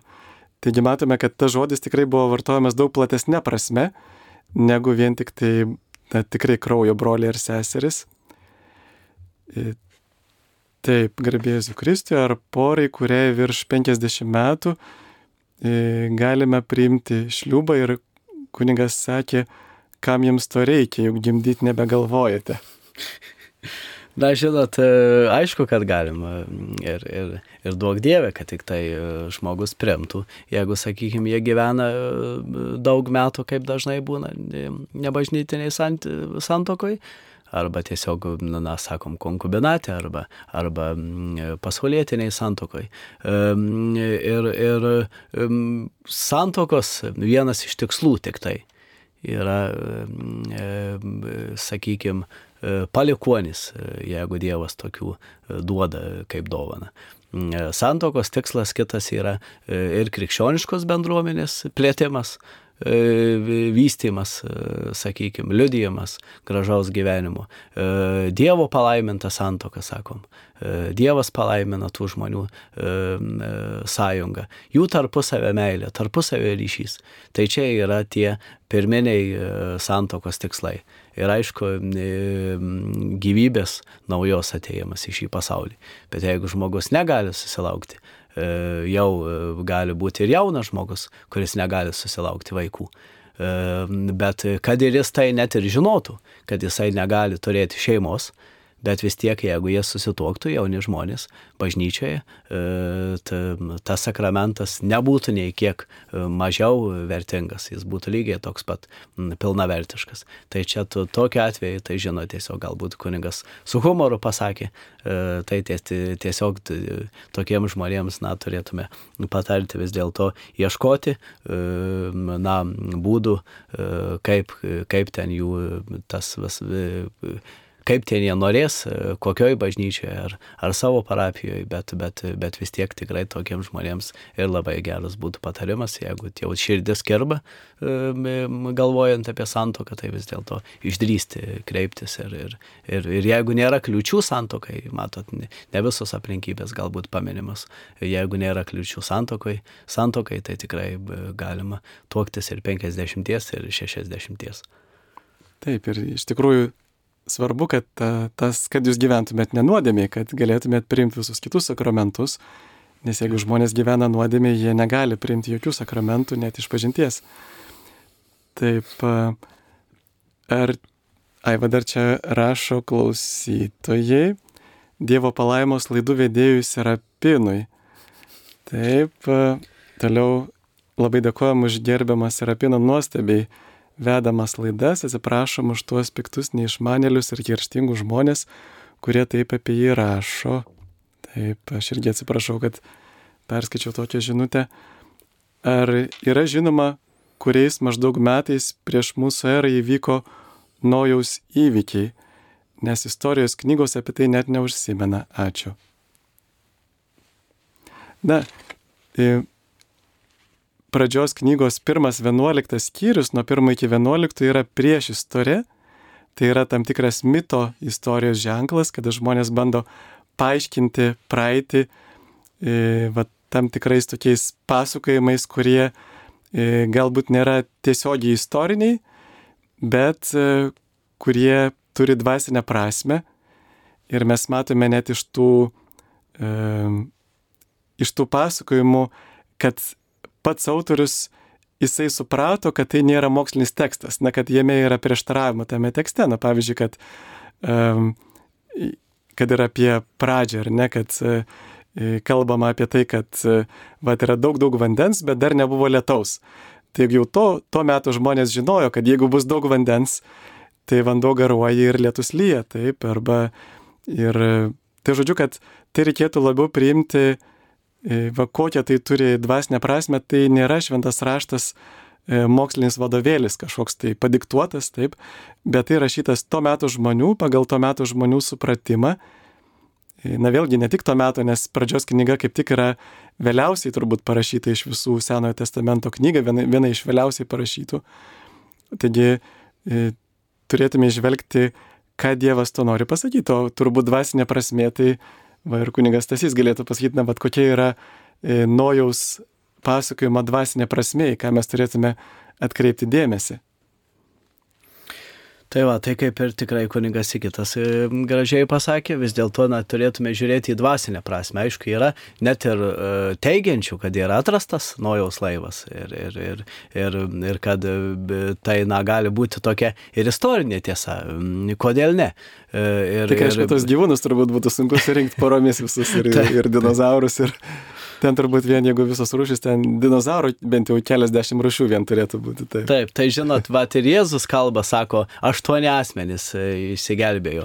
Ir Evangelijos apie tai sako. Tai žinot, vis dėlto, na, aštuoni skaičius irgi, sakom, kokie jis turi, na, tokią mm, begalybės prasme, tobulybės prasme, ne, ne, naujo kūrimo. Neužbaigtumo prasme.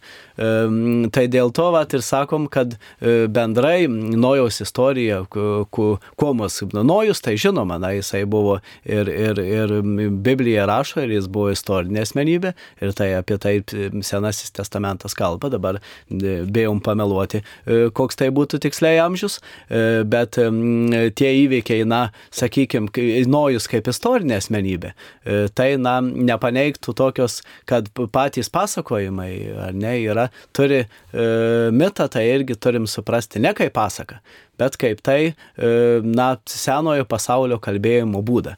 Ir kad per tą būdą yra gerokai norimi pasakyti gilesni dalykai.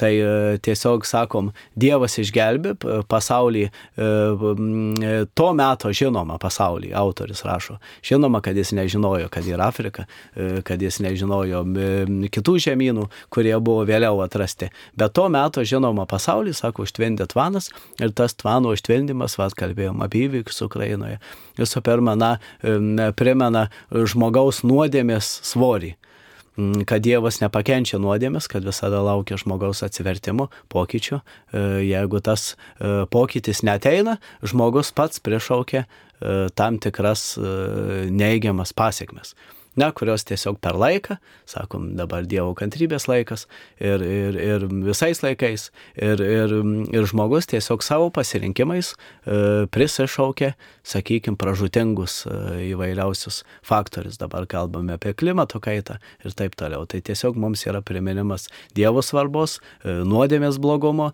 ir kartu tokio nuostabaus, va, apie Jėzus ir Evangelijoje kalba, apie nojaus išgelbėjimą kad tie žmonės, kurie eina su Dievu, kurie Dievui yra ištikimi, jie ir iš didžiausių e, nelaimių yra gelbėjami.